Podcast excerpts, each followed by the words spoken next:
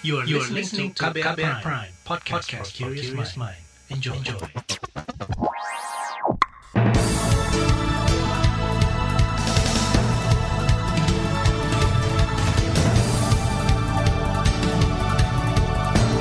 Selamat pagi saudara, jumpa lagi di program Buletin Pagi edisi Selasa 21 Desember 2021. Sejumlah informasi pilihan telah kami siapkan, di antaranya cegah Omikron meluas, pemerintah perketat syarat perjalanan.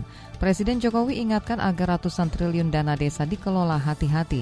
Jelang akhir tahun, harga sejumlah komoditas terus meroket. Inilah Buletin Pagi selengkapnya.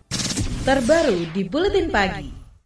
Saudara pemerintah akan memperketat semua pintu masuk ke Indonesia. Menko Maritim dan Investasi sekaligus Koordinator PPKM Jawa Bali Luhut Binsar Panjaitan mengatakan semua stakeholder dan pemangku kebijakan transportasi sudah berkoordinasi untuk memperketat pengawasan kedatangan warga negara asing maupun warga negara Indonesia yang masuk ke tanah air. Pemerintah kini juga sedang mempertimbangkan perpanjangan masa karantina hingga 14 hari. Pemerintah menghimbau masyarakat untuk tidak melakukan perjalanan ke luar negeri karena begitu parahnya keadaan sekarang mengenai Omikron di seluruh dunia. Oleh karena itu, kami memutuskan rapat tadi pemerintah sangat mempertimbangkan untuk peningkatan masa karantina menjadi 14 hari jika penyebaran varian Omikron ini semakin meluas. Jadi saya mohon kita semua menahan diri. Kita jangan ingin mengulangi masa yang begitu mencekam pada Juli tahun ini. Menko Maritim dan Investasi sekaligus Koordinator PPKM Jawa Bali Luhut Binsar Panjaitan menambahkan pemerintah juga akan memperbanyak fasilitas karantina bagi pendatang. Luhut mengklaim pemerintah pusat juga sudah berkoordinasi dengan pemerintah daerah untuk meningkatkan kembali penggunaan aplikasi Peduli Lindungi. Kementerian Perhubungan menerbitkan empat surat edaran terkait pengendalian transportasi darat, laut, udara, dan kereta api saat Natal dan Tahun Baru. Juru bicara Kementerian Perhubungan Adita Irawati menjelaskan keempat surat edaran itu merujuk pada ketentuan instruksi Mendagri dan surat edaran Satgas Penanganan COVID-19 di Kementerian Perhubungan telah menerbitkan surat edaran terkait dengan pengendalian transportasi dan petunjuk pelaksanaan perjalanan penumpang dalam negeri di semua moda transportasi, yaitu surat edaran nomor 109 untuk transportasi darat, nomor 110 untuk transportasi laut, nomor 111 untuk transportasi udara, dan 112 untuk transportasi kereta api yang akan berlaku sejak tanggal 24 Desember 2021 hingga 2 Januari 2022. 2022.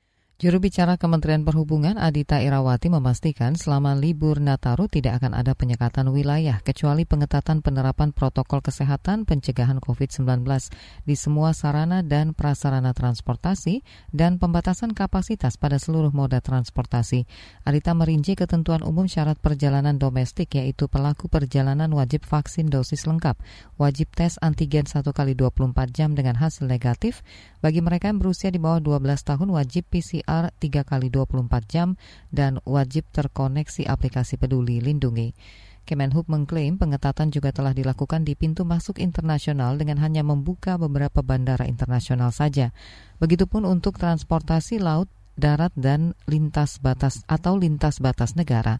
Jubir Kemenhub Adita mengatakan, dalam penanganan penumpang internasional, Kemenhub bekerja sama dengan berbagai pihak terkait seperti keimigrasian, Bea Cukai, Kemenkes melalui Kantor Kesehatan Pelabuhan KKP, dan Satgas Penanganan COVID-19. Menteri Kesehatan Budi Gunadi Sadikin mengungkapkan pintu transportasi darat dan laut terbukti menjadi jalur terbanyak masuknya orang-orang positif COVID-19. Dengan begitu, kata dia, pengetatan tes virus corona dan karantina harus ditingkatkan karena sebaran virus Omikron sudah menyebar ke 97 negara termasuk Indonesia dalam seminggu terakhir terjadi peningkatan pelaku perjalanan luar negeri yang cukup tinggi di seluruh pintu masuk. Dan kita sudah amati semua kita tes PCR dan genome sequencing, ternyata pintu masuk laut dan pintu masuk darat jauh lebih tinggi positivity rate-nya dibandingkan pintu masuk udara. Oleh karena itu, kami dengan bantuan TNI, Polri, dan Kemendagri akan memperkuat proses surveillance dan juga karantina di pintu masuk pintu masuk laut dan darat. Menkes Budi Gunadi Sadikin menambahkan tes COVID-19 bagi para pelaku perjalanan dengan status suspek corona akan dilakukan dengan metode PCR serum glutamik piruvik transaminase atau SGTF. Metode ini diklaim lebih baik dalam mendeteksi Omikron dan mengeluarkan hasil lebih cepat 4 hingga 5 jam per sampel. Sedangkan untuk PCR genome sequencing hasilnya butuh waktu 3 hingga 5 hari per sampel. Epidemiolog Universitas Indonesia Tri Yunis Miko merekomendasikan pemerintah membatasi ketat masyarakat yang tinggal di daerah dengan kasus COVID-19 tinggi untuk pergi keluar wilayah.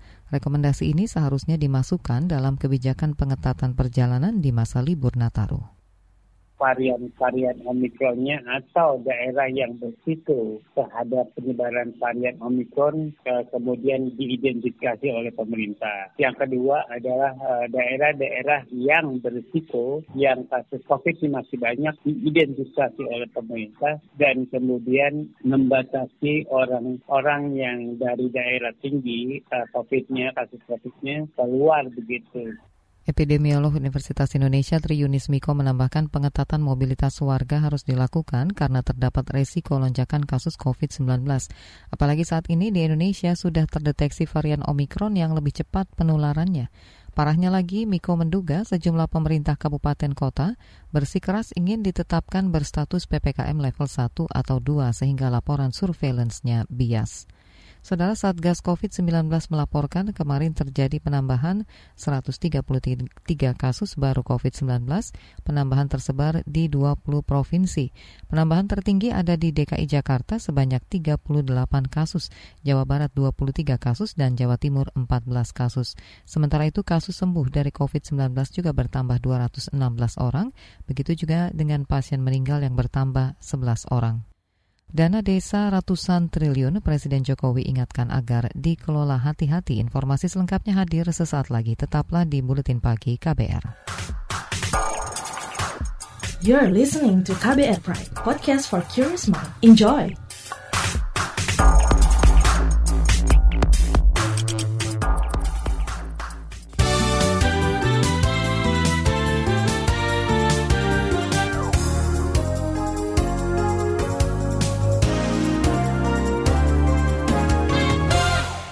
Sedang mendengarkan Buletin Pagi KBR.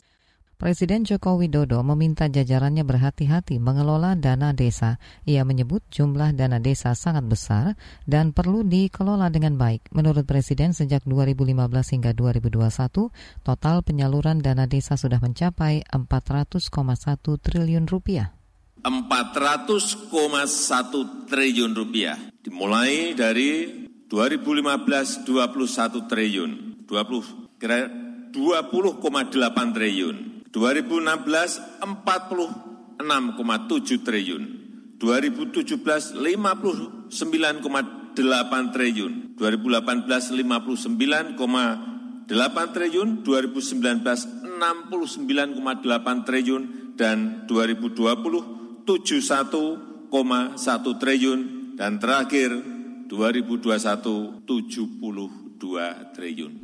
Presiden Joko Widodo menambahkan APBD desa juga meningkat drastis sekali. Pada 2014 rata-rata APBD sebesar 320-an juta rupiah, pada 2015 sebesar 700 juta rupiah. Namun pada tahun ini jumlahnya mencapai 1,6 miliar rupiah. Presiden meminta pengelolaan dana desa dilakukan secara optimal dan harus tepat sasaran. Wakil Presiden Maruf Amin berharap upaya pemberantasan korupsi tidak berhenti pada acara-acara seremonial belaka. Predikat bebas korupsi menurut Maruf harus menjadi komitmen untuk terus bersih dalam melayani. Untuk itu komitmen pemberantasan korupsi tidak boleh berhenti pada hal-hal yang bersifat seremonial ataupun administratif, roadmap reformasi birokrasi, predikat WTP, fakta integritas maupun anugerah WBK dan WBBM seluruhnya harus termanifestasikan ke dalam budaya kerja organisasi dan pelayanan publik yang prima. Wapres Maruf Amin menambahkan upaya nyata pemberantasan korupsi harus terus diselenggarakan oleh unit-unit kerja di bawah kementerian, lembaga, dan pemerintah daerah, sehingga masyarakat bisa menikmati pelayanan publik yang cepat, mudah, murah, dan inklusif. Wapres juga mendorong aparat penegak hukum dan Komisi Pemberantasan Korupsi KPK terus bersinergi mewujudkan strategi nasional pencegahan korupsi. DPR membuka peluang untuk merevisi undang-undang tentang pemilihan umum khususnya untuk mengubah ketentuan soal ambang batas pencalonan presiden atau presidensial threshold. Wakil Ketua DPR Sufwi Dasko Ahmad mengatakan DPR tetap menampung aspirasi masyarakat yang ingin menurunkan ambang batas pencalonan presiden. Meski begitu, Dasko menegaskan revisi Undang-Undang Pemilu tidak akan dilakukan dalam waktu dekat. Uh, membuat lagi revisi-revisi yang waktunya juga nggak akan cukup. Jadi kita bukannya tidak aspiratif ya begitu. Eh, tahapan-tahapan yang panjang dalam proses revisi undang-undang pemilu itu mungkin dilakukan tapi nanti. Wakil Ketua DPR Sufmi Dasko mengingatkan saat ini partai-partai politik sudah memasuki proses tahapan pemilu, sehingga untuk merevisi undang-undang pemilu waktu pembahasannya tidak akan cukup. Diketahui ketentuan ambang batas pencalonan presiden diatur dalam undang-undang tentang pemilu, hingga kini partai-partai politik masih pro dan kontra terkait ambang batas pencalonan presiden yaitu sebanyak 20 persen dari jumlah suara hasil pemilu. Beralih ke informasi ekonomi, Badan Penyelenggara Jaminan Sosial BPJS Ketenagakerjaan tahun depan akan fokus menjaring kepesertaan dari pekerja sektor informal. Direktur Utama BPJS Ketenagakerjaan Anggoro Eko Cahyo mengungkapkan, jumlah peserta di sektor informal hingga kini masih rendah. BPJS Ketenagakerjaan akan menggandeng PT Pos Indonesia untuk menyediakan layanan iuran berbayar melalui agen Postpay. Tahun ke depan kita akan fokus kepada informal, Pak Condro, dan ini nggak bisa kita raih dengan cara yang seperti sekarang. Harus menggunakan agen, harus kolaborasi. Postpay adalah salah satu cara kita juga untuk memperluas dan potensinya juga besar Pak Faisal. Kalau hari ini per bulan kami menerima iuran kurang lebih 6 triliun, jadi setahun itu kurang lebih 76 triliun. Selama lima tahun ke depan kita mau dorong dua kali lipat. Direktur Utama BPJS Ketenagakerjaan Anggoro Eko Cahyo menambahkan saat ini jumlah pekerja yang terdaftar mencapai 50 juta orang, tapi jumlah peserta aktif yang melakukan pembayaran hanya 31 juta orang. Dari jumlah itu 29 juta di antaranya merupakan pekerja formal, sedangkan sisanya dari sektor informal. Lima tahun ke depan, Anggoro menargetkan tingkat kepesertaan naik dua kali lipat, baik dari sektor formal maupun informal. Kita ke mancanegara, ribuan warga negara Indonesia menjadi korban banjir di Selangor, Malaysia. Data KBRI Kuala Lumpur hingga kemarin merinci ada 1.300-an WNI di Selangor yang memohon segera dikirimkan bantuan. Begitu juga dengan 230-an WNI di Kuala Lumpur dan 15 WNI lainnya di Pahang. Koordinator Pensos Bud KBRI Kuala Lumpur, Yoshi Iskandar mengungkapkan, di antara 1.600-an WNI korban banjir itu ada juga seratusan balita. Yoshi menyebut sejak minggu kemarin bantuan berupa makanan, pakaian, air mineral, dan lainnya terus disalurkan. Sementara itu Menteri Besar Selangor Amiruddin Syari mengatakan banjir diakibatkan hujan deras sejak akhir pekan lalu. Sembilan wilayah terdampak banjir parah misalnya di Klang, Petaling, Kuala Langat, Kuala Selangor, dan Hulu Langat. Lebih dari 32 ribu warga mengungsi. Kawasan Taman Sri Muda Section 33 Syah Alam diberitakan terendam parah karena merupakan tempat bertemunya Sungai Klang dan Sungai Damansara. Beralih ke informasi olahraga, petenis Inggris Emma Raducanu terpilih sebagai BBC Sport Personality of the Year. Ini adalah penghargaan tahunan untuk individu yang menggeluti bidang olahraga di Inggris. Sebelumnya, Raducanu mengejutkan dunia olahraga ketika September lalu sukses menjuarai turnamen Amerika Terbuka. Kemenangan Raducanu yang baru berusia 19 tahun itu sekaligus menjadikannya juga sebagai perempuan Inggris pertama yang memenangkan gelar turnamen utama sejak petenis Virginia Wade menang di Wimbledon pada 44 tahun silam. Raducanu mengalahkan sejumlah atlet yang masuk dalam nominasi BBC Sport Personality of the Year, antara lain penyelam Tommy Daly yang berada di urutan kedua dan perenang Adam Petty di tempat ketiga. Selain itu, nominator lainnya yaitu petinju Tyson Fury, pesepak bola Raheem Sterling, dan pesepeda Sarah Story. Di bagian berikutnya kami hadirkan laporan khas KBR yang mengulas tema tentang antisipasi lonjakan mobilitas warga di akhir tahun yang diperkirakan mencapai 11 juta orang. Nantikan sesaat lagi. You're listening to KBR Pride, podcast for curious mind. Enjoy!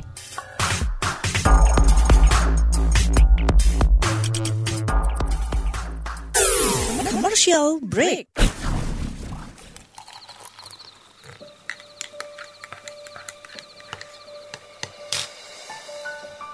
Hai, kamu apa kabar? Masih suka menikmati senja dan kopi? Aku masih ingat kebiasaan kita. Sehabis pulang kerja, selalu mencari tempat untuk sekedar ngobrol dan ngopi. Tapi kadang kita kehabisan bahan obrolan. Aku masih melakukan hal yang sama sampai sekarang tanpa harus takut habis bahan buat ngobrol karena aku selalu mendengarkan KBR sore dari Senin sampai Jumat jam 4 sore. Ah, aku rindu. KBR Inspiratif Terpercaya.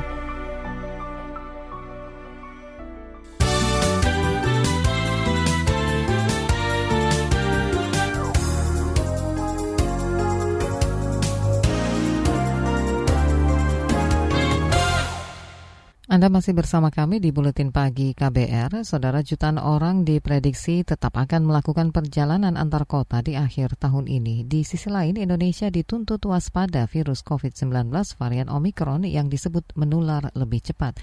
Bolehkah masyarakat berlibur di akhir tahun atau sebaiknya pikir-pikir ulang? Berikut laporan yang disusun jurnalis KBR Astri Septiani. Badan Penelitian dan Pengembangan Kementerian Perhubungan belum lama ini melakukan survei terhadap 49 ribu responden secara nasional. Survei dilakukan setelah pemerintah membatalkan rencana pembatasan kegiatan masyarakat atau PPKM level 3 di akhir tahun. Hasil survei menyebutkan ada potensi sekitar 11 juta orang akan melakukan mobilitas atau perjalanan pada libur akhir tahun. Menyikapi hasil survei itu, juru bicara Kementerian Perhubungan Adita Irawati mengatakan kementeriannya akan mengantisipasi dan menerapkan aturan ketat protokol kesehatan mengantisipasi kecenderungan mobilitas masyarakat di saat Nataru yang angkanya setidaknya sudah kita bisa dapatkan dari hasil survei tadi. Secara umum, kebijakan pengendalian transportasi dilakukan terhadap semua moda transportasi, baik itu di darat, laut, udara, dan kereta api. Rencana perjalanan akhir tahun misalnya disampaikan Rumi, seorang warga Bogor yang berencana liburan ke Yogyakarta bersama teman-teman. Meski khawatir dengan ancaman varian Mikron, ia menyatakan bakal tetap berangkat karena sudah mempersiapkan tiket dan akomodasinya. Namun, dia menyebut bakal lebih ketat menjalankan protokol kesehatan tentu saja gitu mau varian eh, baru mau varian lama gitu kan sebetulnya sama covid ini masih khawatir kan tadinya melihat uh, kondisi kasus di Indonesia itu sudah cukup melanda ya begitu. Jadi uh, saya sama teman-teman yang memberanikan diri untuk melakukan perjalanan liburan di akhir tahun gitu. Tapi semoga tidak terjadi apa-apa. Kami juga sudah mempersiapkan kit kesehatan, terus kemudian juga uh, alat-alat protokol kesehatan kayak masker, hand sanitizer dan lain sebagainya itu ya Meski begitu, Rumi juga mengaku khawatir kebijakan atas peraturan perjalanan yang berubah-ubah, terutama saat ini sudah ditemukan varian Omikron. Dirinya menyatakan tengah menunggu aturan lanjutan dari pemerintah ke depannya. Meski begitu, ada juga warga yang memilih menghabiskan akhir tahun di rumah. Sita, warga Jakarta Timur mengatakan, dengan ancaman virus varian Omikron saat ini, ia merasa lebih aman ketika di rumah. Libur akhir tahun ini sih kalau rencana liburan itu nggak ada ya, cuma paling mungkin di rumah aja sih sama keluarga. Karena kan sekarang masih pandemi ya, ditambah lagi ada varian COVID yang baru. Jadi jujur lebih takut sih kalau sekarang tuh kalau mau ke mana-mana. Jujur takut kayak waktu varian delta itu yang kasusnya tinggi banget kan beberapa bulan yang lalu. Semoga lebih terkendali sih karena kan kalau aku sih jujur kemarin tuh sempat tengah kan prokesnya. Kalau sekarang mungkin harus lebih ditingkatin lagi sih Ketua Satgas COVID-19 Ikatan Dokter Indonesia IDI, Zubairi Jurban menyebut varian Omikron lebih cepat menular dibanding varian lain. Ia mewanti-wanti masyarakat agar tidak menyepelekan varian baru tersebut dan meningkatkan disiplin protokol kesehatan. Ia juga menyarankan masyarakat menunda liburan akhir tahun untuk mencegah resiko penularan COVID-19. Jadi memang benar-benar Omikron amat sangat mudah menular. Bahwa amat sangat mudah menular itu terbukti di mana-mana. Jangan remehkan, jangan euforia, apa pun alasannya. Jadi mohon eh, ya untuk yang mau pulang kampung batalin saja.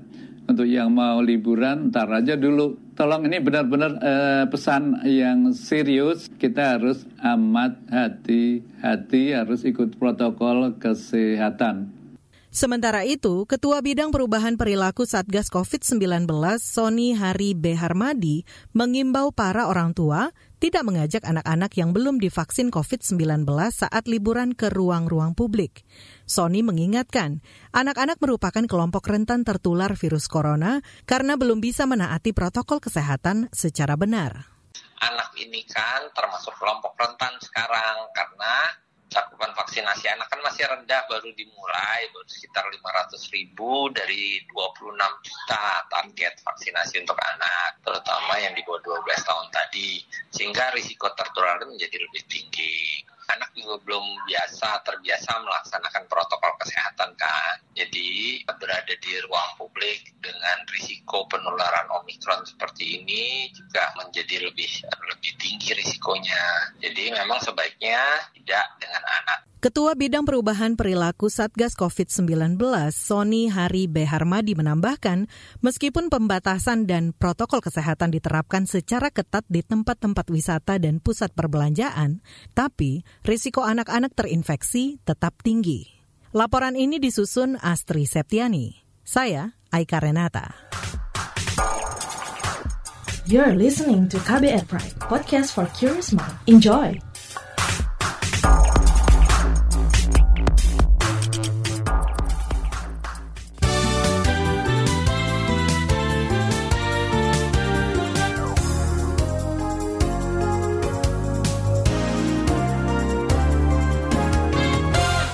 Kita sampai di bagian akhir buletin pagi KBR. Di Jambi, inspeksi mendadak dilakukan Gubernur Jambi Al-Haris di Pasar Angso 2 dan menemukan fakta naiknya harga telur ayam. Didampingi tim Satgas Pangan, Gubernur Jambi menyatakan siap menelusuri alasan kenaikan harga telur ayam karena menurutnya kenaikan itu tidak masuk akal sebab telur ayam didatangkan justru dari Jambi atau tidak dari luar provinsi. Nah, tadi kita menemukan bahwa harga telur naik luar biasa. Sementara itu barang di Jambi, belinya di Jambi gitu. Nanti yang punya kok bisa naiknya tinggi gitu. Hari kita akan cek ke gudangnya ada apa sebenarnya, kok bisa naik melonjak ya. Nah itu, itu, itu mungkin. Intinya adalah pemerintah harus menjamin bahwa uh, Nataru ini tidak ada kenaikan yang luar biasa sehingga berat bagi warga untuk belanja. Itu tadi Gubernur Jambi Al Haris. Sementara itu, saudara harga cabai rawit merah di berbagai wilayah mengalami kenaikan luar biasa di pasar Bundar Sragen, Jawa Tengah. Misalnya, harga cabai rawit merah tembus Rp100.000 per kilogram, padahal harga normal hanya Rp40.000 per kilo. Selain cabai rawit merah, harga minyak goreng juga masih belum turun. Di pasar Palmerah, Jakarta Barat, harga minyak goreng dibanderol Rp20.000 per liter. Kita ke Jawa Tengah, lebih dari 12.000 anak positif terinfeksi COVID-19 di Jawa Tengah. Sekretaris Ikatan Dokter Anak Indonesia IDAI Jawa Tengah Khairul Anam mengatakan empat daerah terbanyak anak terkonfirmasi COVID-19 yaitu di Surakarta, Pati, Pekalongan, dan Semarang anak-anak kita yang berusia di atas 6 tahun, 6 sampai 11 tahun yang sudah masuk uh, apa uh, indikasi atau target sasaran untuk vaksin segera mendaftarkan diri. Kecuali memang ada penyakit-penyakit uh, kronis ya sudah apa jarak antar uh, vaksin itu minimal dua minggu. Jadi kalau kalau dalam dua minggu ini uh, divaksin DPT boleh. Tapi kalau masih dalam rentang satu minggu, sebaiknya ditunda sampai dua minggu. Ya. Sekretaris Ikatan Dokter Anak Indonesia IDAI Jawa Tengah Hoirul Anam juga menghimbau para orang tua mengizinkan anaknya yang berusia 6 hingga 11 tahun divaksin COVID-19. Hoirul menjelaskan butuh waktu jeda dua pekan untuk anak diberi vaksin COVID sesudah menerima vaksin DPT atau difteri, pertusis, dan tetanus. 2 juta anak usia 6 hingga 11 tahun di Jawa Tengah ditargetkan akan menerima suntikan vaksin COVID-19. Informasi tadi menutup jumpa kita di Buletin Pagi hari ini. Pantau juga informasi terbaru melalui kabar baru, situs kbr.id, Twitter kami di akun @beritaKBR, serta podcast di alamat kbrprime.id. Saya Malika bersama tim yang bertugas undur diri. Salam.